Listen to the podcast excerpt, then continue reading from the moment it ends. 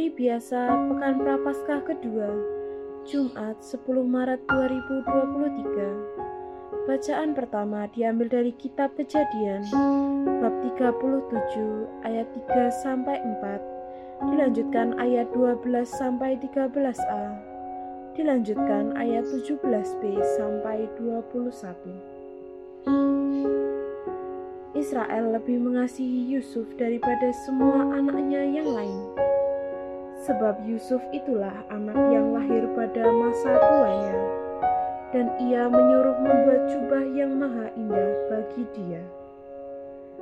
Setelah dilihat oleh saudara-saudaranya bahwa ayah mereka lebih mengasihi Yusuf daripada semua saudaranya, maka bencilah mereka itu kepada Yusuf dan tidak mau menyapanya dengan ramah.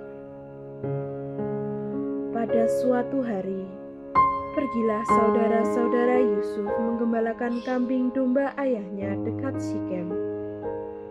Lalu Israel berkata kepada Yusuf, Bukankah saudara-saudaramu menggembalakan kambing domba dekat Sikem?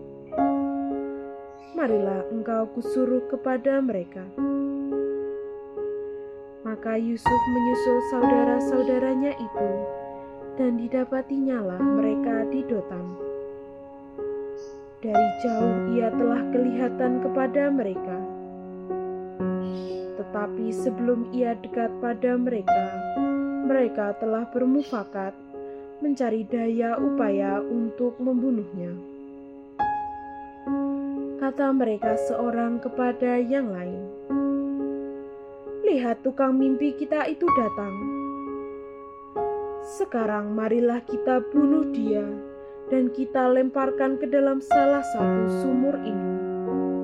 Lalu kita katakan, seekor binatang buas telah menerkamnya, dan kita akan lihat nanti bagaimana jadinya dengan mimpinya itu.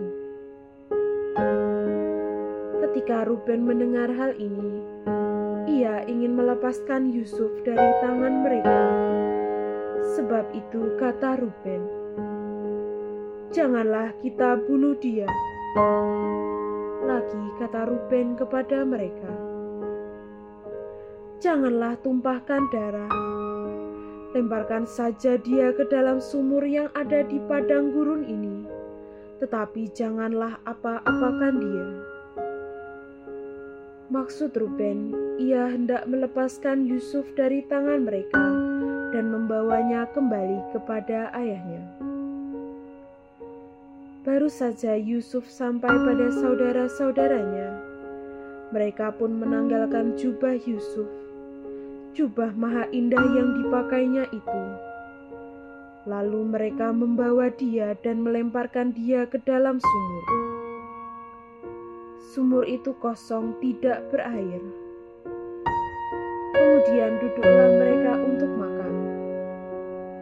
Ketika mereka mengangkat muka, kelihatanlah kepada mereka suatu kafilah orang Ismail yang datang dari Gilead dengan untanya yang membawa damar, balsam, dan damar ladang. Mereka sedang dalam perjalanan mengangkut barang-barang itu ke Mesir. Lalu kata Yehuda kepada saudara-saudaranya itu, Apakah untungnya kita membunuh adik kita itu dan menyembunyikan darahnya? Marilah kita jual dia kepada orang Ismail ini. Tetapi janganlah kita apa-apakan dia, karena ia saudara kita, darah daging kita. Dan saudara-saudaranya pun mendengarkan perkataannya itu. Ketika saudagar-saudagar Midian itu lewat, Yusuf diangkat ke atas dari dalam sumur itu, kemudian dijual kepada orang Ismail itu dengan harga 20 shikal perak. Lalu Yusuf dibawa mereka ke Mesir. Demikianlah sabda Tuhan.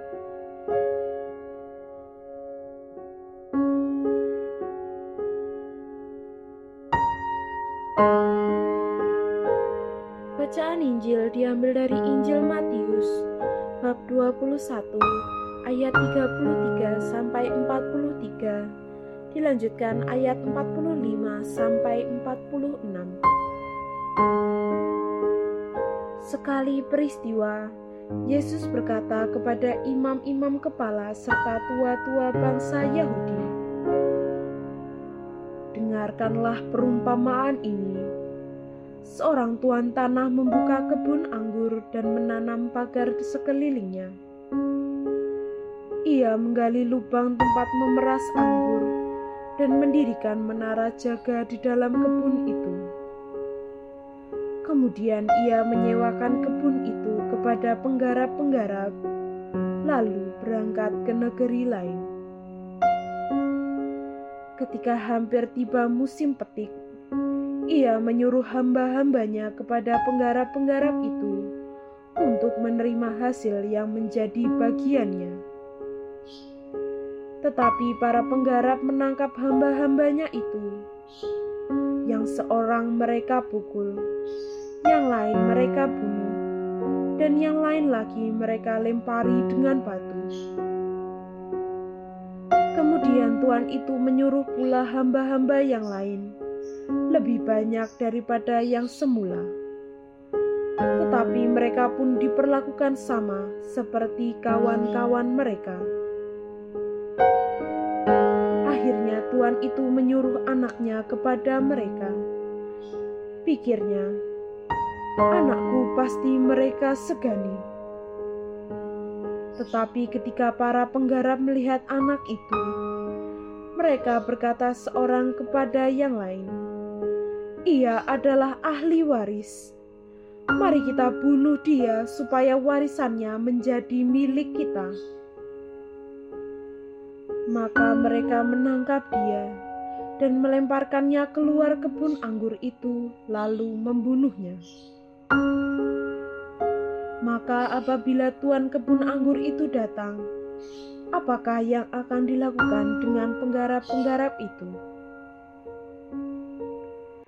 Kata imam-imam kepala dan tua-tua itu kepada Yesus. Ia akan membinasakan orang-orang jahat itu, dan kebun anggurnya akan disewakan kepada penggarap-penggarap lain yang akan menyerahkan hasil kepadanya pada waktunya. Kata Yesus kepada mereka, "Belum pernahkah kamu baca dalam kitab suci?" Batu yang dibuang oleh tukang-tukang bangunan telah menjadi batu penjuru. Hal itu terjadi dari pihak Tuhan, suatu perbuatan ajaib di mata kita. Sebab itu, aku berkata kepadamu: "Kerajaan Allah akan diambil daripadamu." dan akan diberikan kepada suatu bangsa yang akan menghasilkan buah kerajaan itu. Mendengar perumpamaan Yesus itu, imam-imam kepala dan orang-orang Farisi mengerti bahwa merekalah yang dimaksudkannya. Maka mereka berusaha menangkap dia, tetapi mereka takut kepada orang banyak, karena orang banyak itu menganggap Yesus nabi. Demikianlah